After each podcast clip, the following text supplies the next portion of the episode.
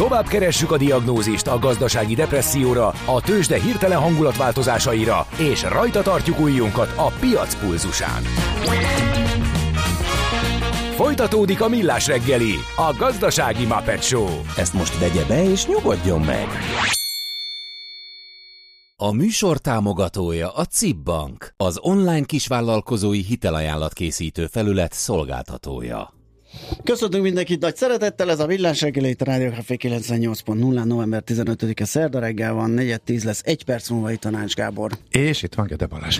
És a hallgatók is üzengetnek, írnak nekünk a 0636 980 980 SMS, WhatsApp és Viber számra azt mondja, hogy léci, léci, tetessétek be másik Electric Six számot is szelektorba, szép napot kívánva. Van másik is, de ez annyira jó, de, de oké, okay, le, de, le, játszunk majd mást is tőlük. Így jó, van, de most rohanunk tovább. Építkezel? Lakást vennél? Eladnád? Bérelnéd? Vagy felújítanád? Vagy befektetési céllal nézed a piacot? Akkor neked való a négyzetméter. A Millás reggeli ingatlan piaci rovata. Egy örök dilemmával foglalkozunk, bérelni a lakást, vagy pedig uh, tulajdonolni. Az örök dilemma abból arra, ered, és ugye ilyen ciklusok, na, ciklusokban, hogyha számolgatjuk azt, hogy mi éri meg, akkor valahogy mindig más jön ki. Tehát m- lehet számolni a lakás értékét, belerakod egy fix kamatozásba, és uh, bérelsz, vagy pedig uh, megveszed azt a lakást, és bízol benne, hogy majd fölmegy az ára, és nem tudom, tehát így a vagyon változásán keresztül is lehet vizsgálni. Én viszont találtam egy olyan írást a Hold blogon, aminek a címe mellett nem lehetett elmenni. Korunk egyik legkárosabb hülyesége a lakástulajdonlás. Hát, hogy ezt miért, miért írja Zentai Péter Zentucsó a Hold blog külsős vendégszerzője? Ennek járunk most utána. Szervusz, jó reggelt! Jó reggelt kívánok, szervusztok! Elég erős megállapítás ez, vagy kijelentés. Mi véget jutottál erre? A címet azt azért adtam, hogy foglalkozzatok például ti is vele. Azon, azonnal rávágtunk. Erőfeszítés, de sikerkoronázta. Ez, ez mutatja, hogy a, a, a, ha valaki majdnem 70 éves, mint én, akkor mégiscsak volt értelme az életének, mert Abszolút. eléri pszichikailag azt a hatást, amit el akar érni, de sajnálatos módon nálam sokkal fiatalabbak is különböző politikai erők részéről ugyanezt meg tudják már csinálni, hogy semmi új nincs a nap alatt. A lényeg az az, hogy valójában arról is van szó, hogy butaság kisembereknek, tehát az olyan kisembereknek, mint amilyenek általában mi vagyunk, lakást tulajdonolni, meggyőződésem, hogy a társadalmi igazságosság és a világnak a fejlődése egyaránt abba az irányba mutat, hogy lehet az embernek, ha ez a szenvedélye saját tulajdonú lakása, csak hülyeség, mert a dolgok a mobilitásról szólnak, és a mobilitásnak a lehetősége az, ami viszi előre a világot, és aki röghöz kötött, az leegyszerűsítettem mondom, és úgy, hogy mintha címbe adnák, aki le, röghöz kötött, az nem tud fejlődni, az elmaradottá válik, reakciósá válik, nem segíti elő sem a saját családja, sem pedig az országa, sem pedig a világnak a, az előrehaladását. És ezt nagyon egyszerűen lehet bizonyítani azzal, amivel próbálom bizonyítani, hogy amikor én Németországba kikerültem, egy ilyen protestáns kultúrájú országba, a, a, luteranizmusnak az a lényeg, hogy a pénz az a legfontosabb eszköz a világon, de azt arra kell használni, hogy mindenki valamilyen módon profitáljon belőle, ne csak én magam profitáljak. A lakástulajdonlás az mindig egy öncélú dolog, vagy így, vagy úgy, és az azzal való spekuláció, azzal én tulajdonképpen egy csomó más embernek a lakáshoz való jutását tudom akaratlanul is megakadályozni. Erről uh-huh. szól az én cikkem, onnantól kezdve lehet a dolgokat szépíteni, például a legjobb barátom azt írja, hogy ö, már kurvára nem érdekli, bocsánat, hogy ezt mondta, így írja szó szerint, tehát nem én mondom, mert ő már 70 éves, és ö, majd a gyerekeim azt csinálnak a lakással, amit akarnak, pont.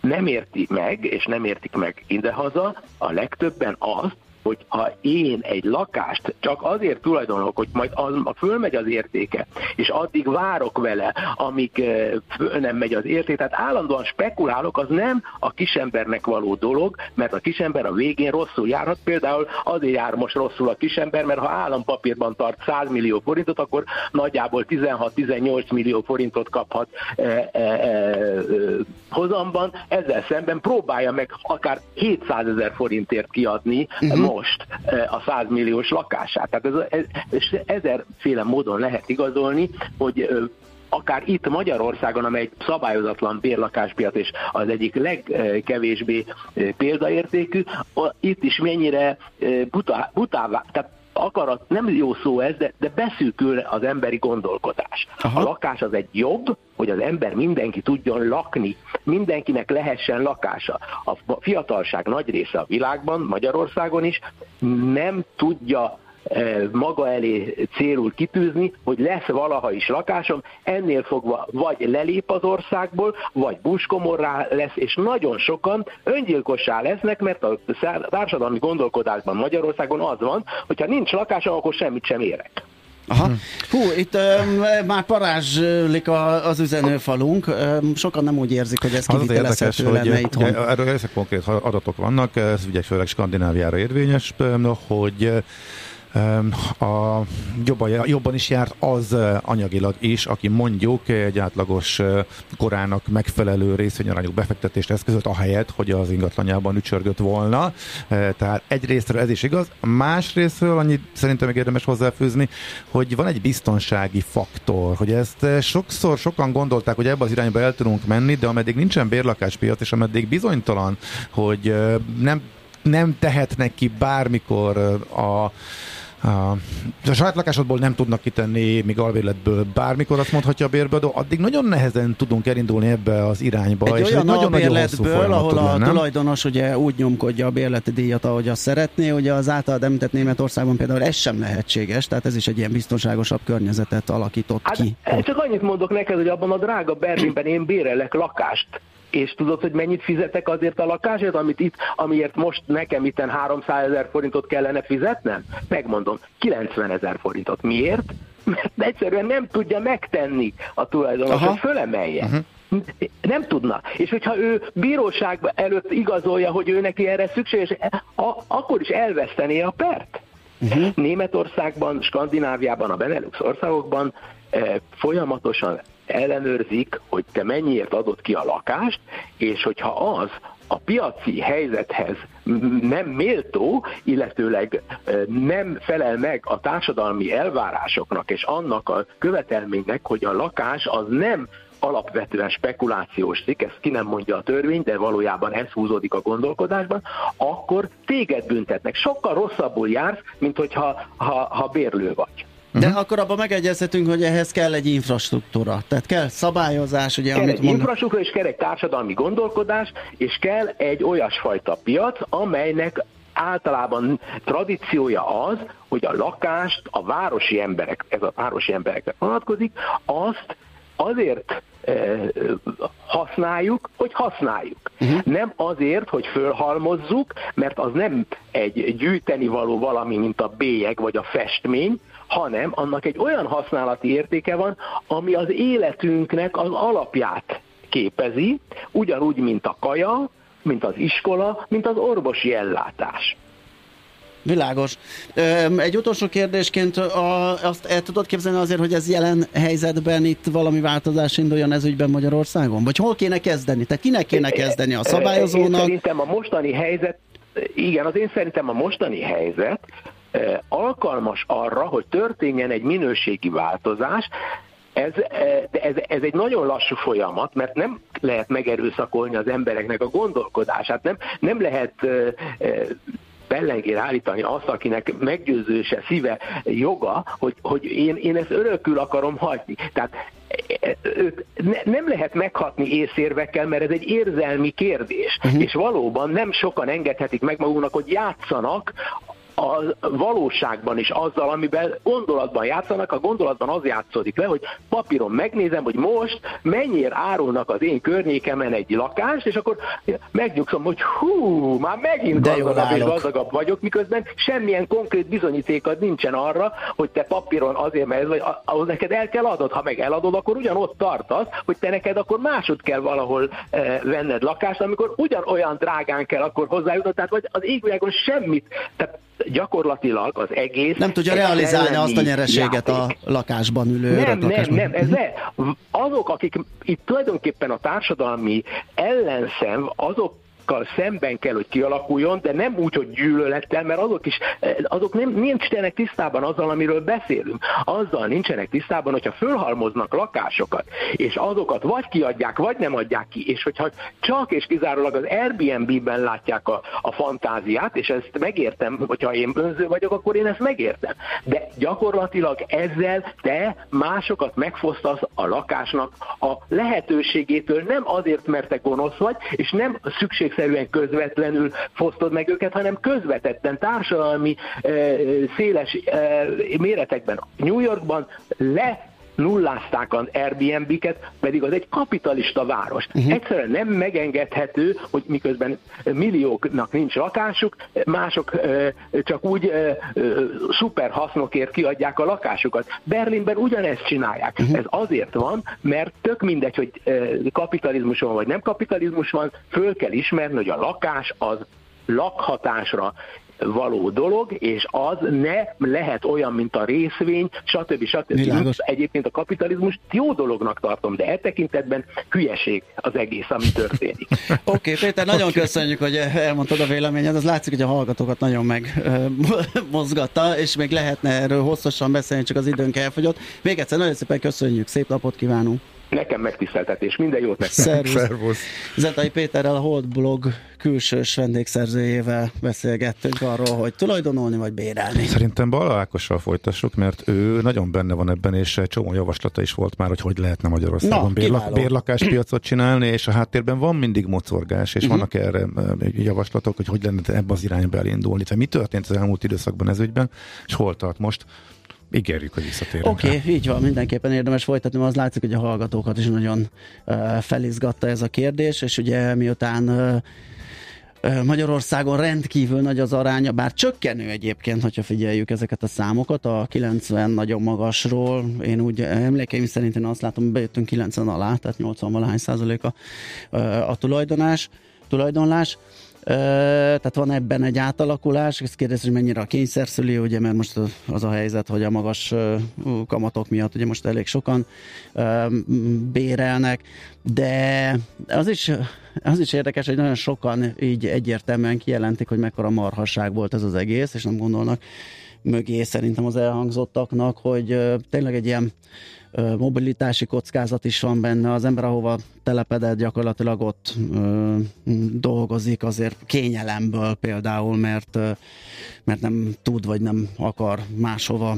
ö, mozdulni, mert akkor lakáseladás, ezért mindenféle komoly ö, procedúra elé néz, és ez esetleg hátráltathatja az ő erőre haladását, a gazdaságfejlődés. Az sok összetevője van ennek, nem feltétlenül ördögtől valók ezek a gondolatok, hiszen nagyon sokan foglalkoznak vele, de minden esetre arra jó volt, hogy ti is egy kicsit átgondoljátok ezt a helyzetet, és ahogy Gábor is ígérte, ezt folytatni fogjuk, mert hogyha van erre épkézláb ötlet, hogy hogyan lehet ezt előre vinni, előre lendíteni, az nem lenne annyira rossz.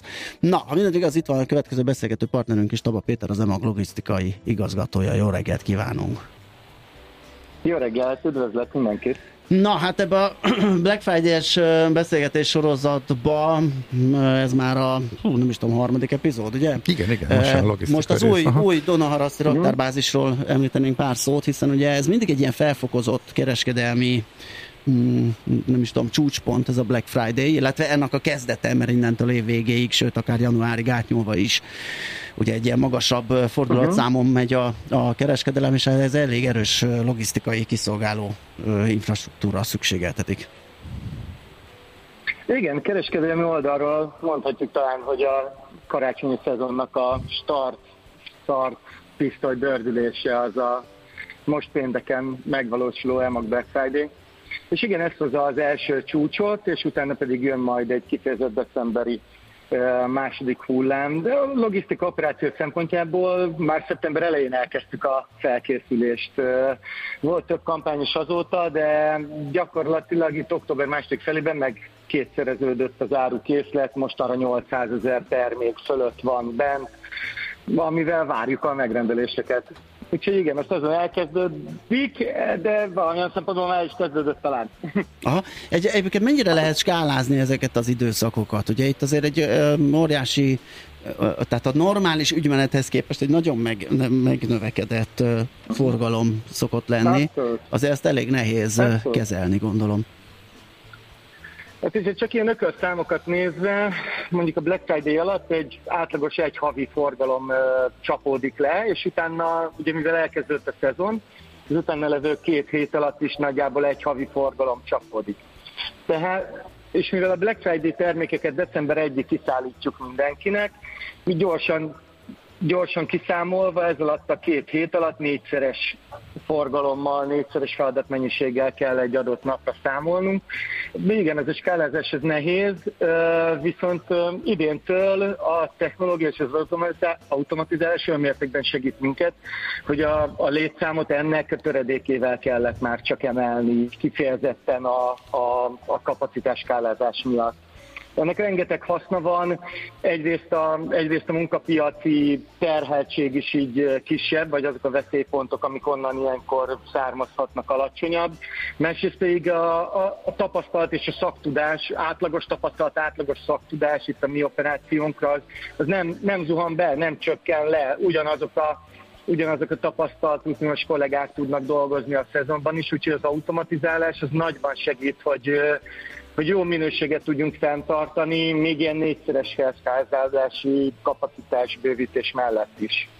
Aha, tehát azért az automatizáció az, az segíti ezt a rugalmasságot, ezt gondolom, hogyha minél több élő munkával kéne megoldani, és uh-huh. nem tudom, időszakosan felvenni, vagy kölcsönözni munkaerőt, uh-huh. akkor azért az komplikáltabb. Betanítási idő, Igen. Igen, abszolút. És emiatt nagyon jó ez az új Dunaharaszti Logisztikai Központ, ugyanis itt tényleg az elmúlt másfél évben felépült maga egy olyan infrastruktúra is, egy, egy épület infrastruktúra, ami már kifejezetten a csomaglogisztikára van optimalizálva, tehát hogy az anyagáram az lehető legegyenletesebb legyen, legegyenesebb vonalon, leg, leggördülékenyebben tudjon az áru mozogni a, a feldolgozás során. Másrészt benne belekerül, tehát telepítésre került egy olyan fizikai összetett automatizációs rendszer, ami egymásra épül, ez ilyen három elemből egy tárolórendszer, egy tájítószalag és egy szortírozó gép, összesen olyan 10,5 millió euró értékben, amelyek együtt dolgoznak, és, és és ami a harmadik elem, az pedig ezeknek a program támogatása. Tehát amit mi magunk fejlesztünk, a saját belső szoftverünket használjuk, és ez a szoftver ez harmonikusan mozgatja a teljes technológiai hálózatot. És ez az tényleg, ami, ami, ami segít abban, hogy ne, hát bocs, hogy így mondom, de nem kell, hogy felhiguljon az az élő munka, uh-huh. aki, aki aztán feldolgozza a terhelést, és így kevesebb lesz a hibázás, pontosabban tudjuk, és remélhetőleg jobb vevő elégedettséggel kiszolgálni a partnereket. Reméljük mi is, ez végszónak is kiváló, úgyhogy sok sikert a megerőltetett munkamenethez, ami most már így évvégéig valószínű a részletek lesz. Köszi szépen a beszélgetést, szép Nagyon napot! szépen köszönjük! Szervusz! Nagyon szépen köszönöm, sziasztok! Taba Péterrel az EMAG logisztikai igazgatójával beszélgettünk. Tőzsdei és pénzügyi hírek első kézből a Rádiókafén, az Equilor befektetési ZRT-től. Equilor, 1990 óta a befektetések szakértője. Na, ö... Sági Balázs, szenior elemző a vonalban. Személyesen. Jó reggelt. Szia, jó reggelt. Szervusztok, jó reggelt! Na mi a helyzet? Van nagy ralli a tegnapi tengeren túli Balázs mindig után? olyan jókedvűen mindig. szólal meg, hogy mindig azt hiszem, hogy emelkedés is, van, de néha kiderül, igen, néha kiderül, hogy nem. Limitelesnek az árfolyamok. igen, de a hangulat az de remek. most van. Most van, jó van. Jó van, jó van. Ma folytatódik bizony a tegnapi, eh, tegnapi rally, tegnap megkezdődött rally, fölfelé vették az irányt a piacok, Jó, Bux Index 0,65%-os pluszban van már, úgyhogy igen, örülhetnek a részvénytulajdonosok. Jó van, kik viszik a primet, hol, hol muzsikálnak a legjobban a zenészek? Uh, nálunk vagy, vagy Európában? Nálunk, Európában nézzük. mindenfelé. Európában mindenfelé. Aha. Igen, igen, igen, és hát nálunk is, hogyha ránézzünk a mi blue chipjeinkre, egytől egyig emelkedésben vannak, legnagyobb forgalom, hát szokás, szokás szerint az OTP-ben van, ugye 840 millió forint összforgalomból 540 az OTP papírjaiban történt, és 0,61 százalékos emelkedésben van az OTP-ben a pillanatban. MOL hasonló emelkedésben 0,7 százalékos emelkedésben, Telekom 0,5 százalékos emelkedésben, és a Richter egészen elképesztő lendületet kapott, 1,12 százalékos pluszban van jelenleg. Úgyhogy igen, föl, és határozott fölfelé. Ehhez irány. forgalom is társul, vagy most illik az európai nagypiacokkal menni, meg Amerikát kopizni, és csak azért vannak pluszban az árak, vagy tényleg látható a komoly érdeklődés, vásárlás, pörgés? Megyünk Európával, de a forgalmon is meglátszik azért ez a, ez a pozitív hangulat, de 840 millió forintos forgalom nap ezen szakaszában nem mondható rossznak. Úgyhogy van érdeklődés a magyar piac iránt is, de egy összességében a részvények iránt.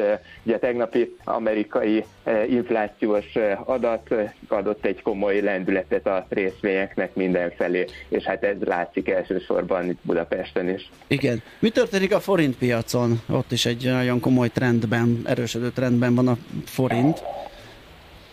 Igen, igen, így igaz, viszont itt a mozgás nagy része megtörtént, úgy tűnik, hogy megtörtént a tegnapi nap során, a nyitás óta, napkezdés óta nem látunk nagy változás sem az euróforint, sem a dollárforint árfolyam, árfolyamában. Hát egy, az euróval szemben egy 11 filléres változást látunk.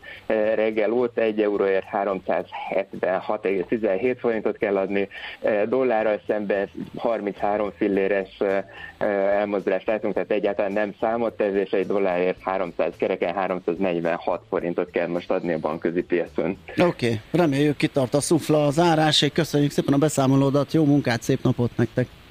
Köszönöm szép Szia. napot, jó munkát nektek is, sziasztok! Sági Balázs szenior elemző vágott rendet itt az árfolyamok között.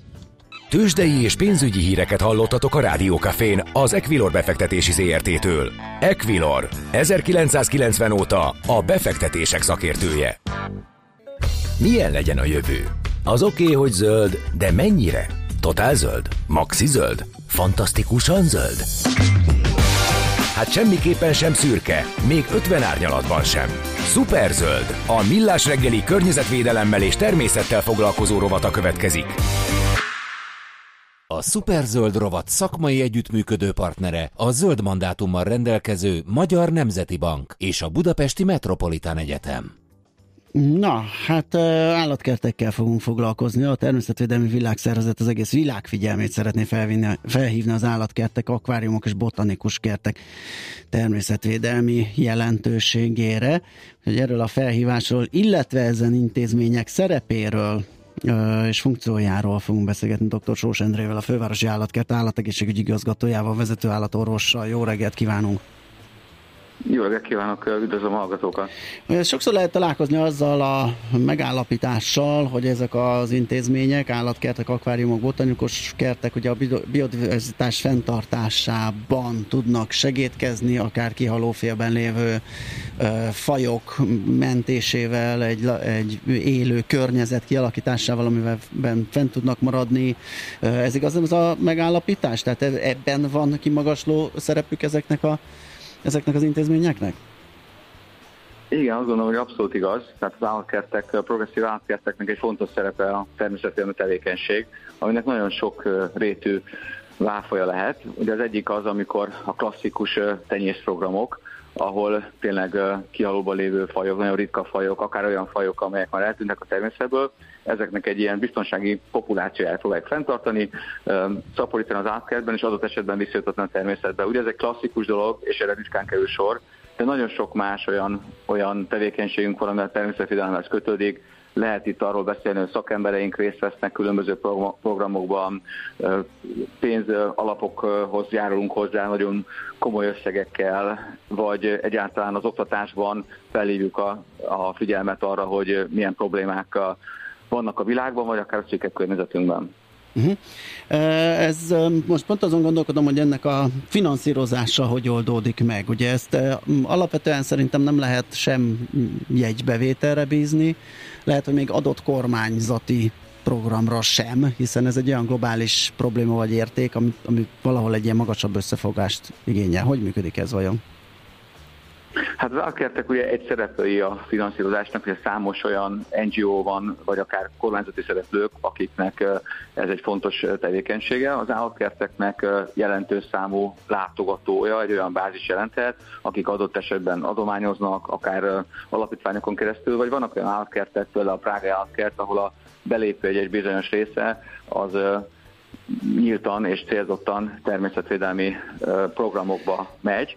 Tehát a finanszírozásra sokféle megoldás van. Alapvetően azt kell látni, hogy az emberek érzékenyek és nyitottak arra, hogy ezeket a, ezeken a problémákon segítsenek, és az állatkertek próbálnak egységesen fellépni. Tehát például vannak olyan természetesen kampányok, ahol célzottan mondjuk egy problémát hirdetnek meg, és azzal próbálnak foglalkozni, és ezekre akkor talán nagyobb hatásra tudnak lenni. Ilyenek voltak a múltban mondjuk az afrikai bozott húsnak a kérdése, amikor akár kormányzati szinten próbáltak ebben eredményeket elérni, vagy mondjuk dél ázsiában a teknősök helyzetével kapcsolatos erőfeszítések. És most idén egy olyan természetvédelmi program az Európai Átkerti és Akvárium Szövetségnek a logójában ez a Vietnámmal kapcsolatos olyan fajoknak a kérdése, amelyek ott eltűnőben kialóban vannak.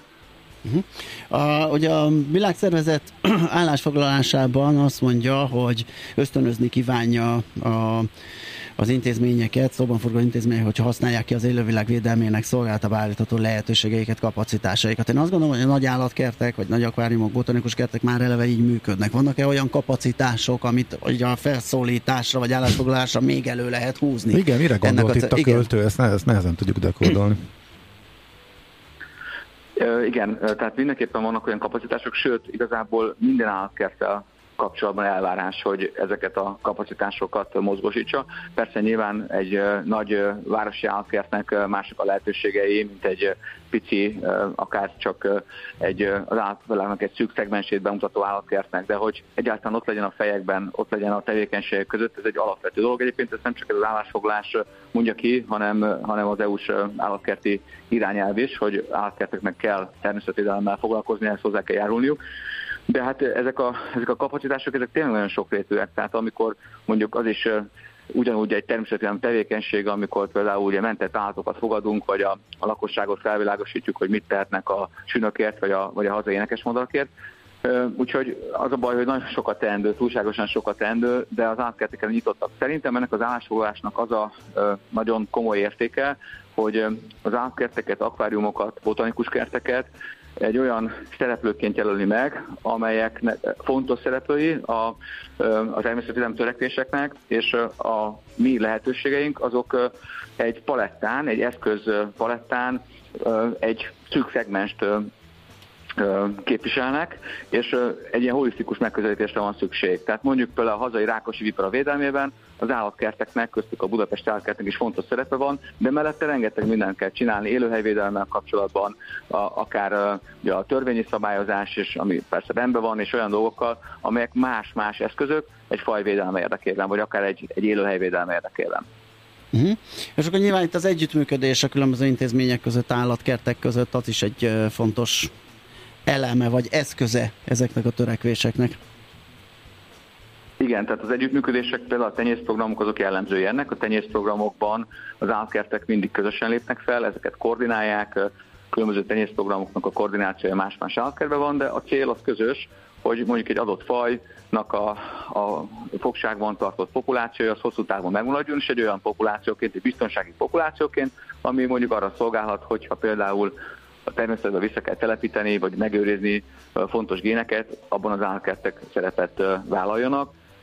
Például a Tarvarjú, ami Budapesten is tartunk, ott vannak visszatelepítési programok Európában, Spanyolországban is, és a spanyolországi programba budapesti madarakat, amelyek itt keltek nálunk, most már három alkalommal küldtünk, és hogyha minden jól megy, akkor jövő elején megint fogunk küldeni oda madarakat. Bármint, hogy szerte Európában, tehát bárhova, tehát nem csak itthon, tehát akkor a együttműködés keretében. Nem csak itthon, tehát több állatkert is küld, de a mhm. Budapest is, tehát ez olyan összefogás, hogy, hogy 6-8 állatkert fog madarakat küldeni, ezek olyan madarak lesznek, amik állatkerti, állatkerti kelésűek, Aha. de utána már a szabad természetben kell majd helytállniuk, tehát igazából a visszatelepítési program részei. Tehát ez például egy nagyon szép kapcsolódás az állatkerti és a vadonban történő védelmi törekvések között, de ez például egy olyan összefogás, ami, ami több európai állatkertnek a közös munkája. Uh-huh.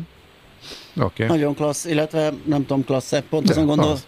pont, azon, pont azon gondolkodtam, hogy az klassz, hogy eljutottunk oda, hogy az állatkert már nem csak ilyen ketrecbe zárt állatokat mutogat, hanem ilyen programjai vannak, az meg nem klassz, hogy eljutottunk odáig, hogy ilyen programok kellenek. Ja, hogy egyáltalán szükség van. Bizony, bizony, bizony, Persze. hogy erre mhm. szükség van. Ez a része, ez egy kicsit szomorkásabb, de a lényeg az, hogy vannak ezek a szervezetek, intézmények, akik erőfeszítéseket tenne, tesznek a biodiverzitás megőrzésére. Endre, nagyon köszönjük szépen, hogy beszélgettünk, további szép napot kívánunk. Köszönöm szépen, viszont viszont kívánom, viszont Dr. Sors Endrével, a Fővárosi Állatkert állategészségügyi igazgatójával, vezető állatorvosával váltottunk pár szót. A Millás reggeli környezetvédelemmel és természettel foglalkozó rovata hangzott el. Superzöld!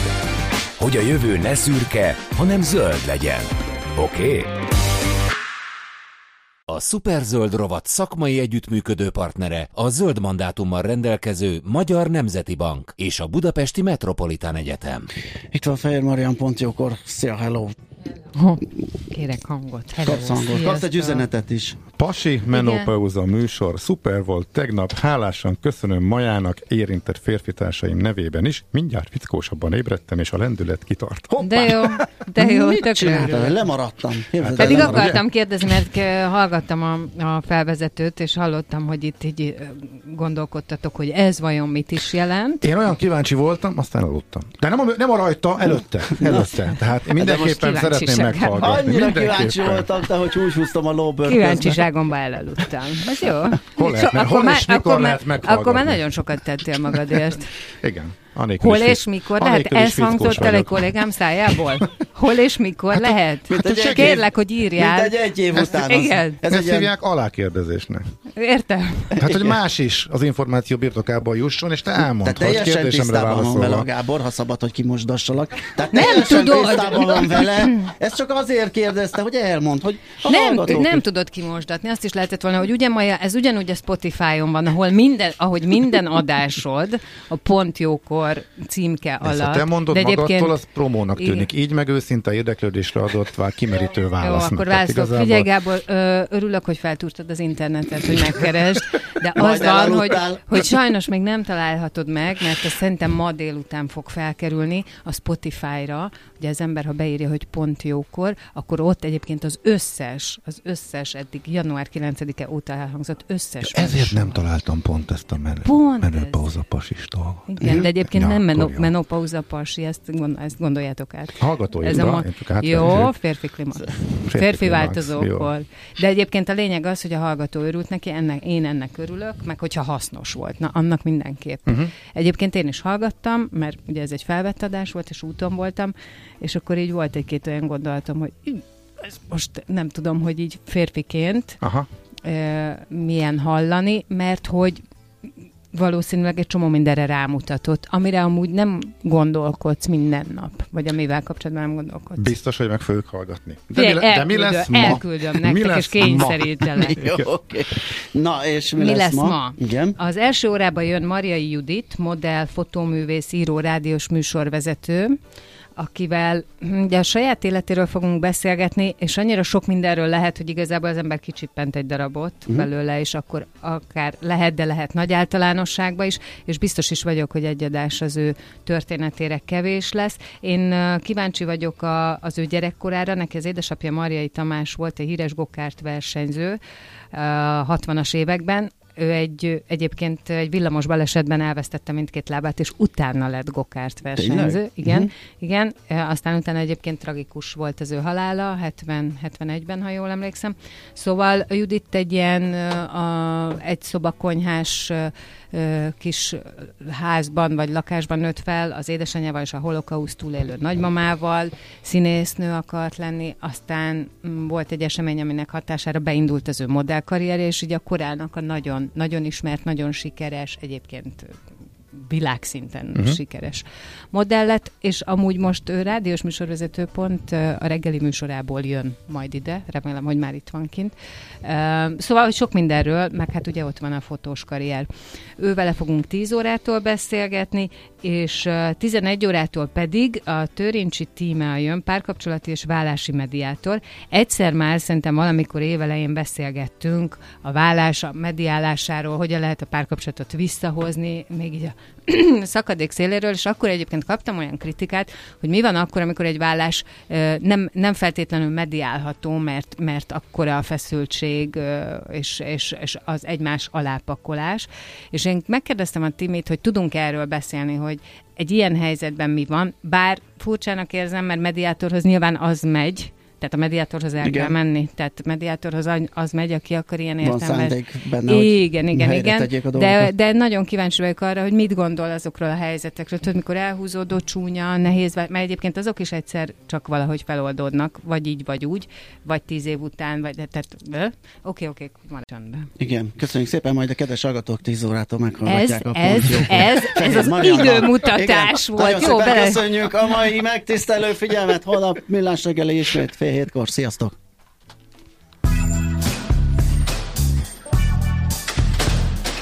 Már a véget ért ugyan a műszak, az ügyelet azonban mindig tart. A sürgősségi és félig zárt osztályon holnap reggel újra megtöltjük a kávésbögréket, és felvesszük a piaci stetoszkópot. Addig is keressetek minket közösségi rendelőnkben a Facebookon, a mai adás podcastjét pedig a rádiókafé 98hu és millásreggeli.hu oldalakon, a Spotify-on és a Google Podcast-en. Millás reggeli. A Rádiókafé gazdasági Muppet Show-ja. Két dologban bízhatsz.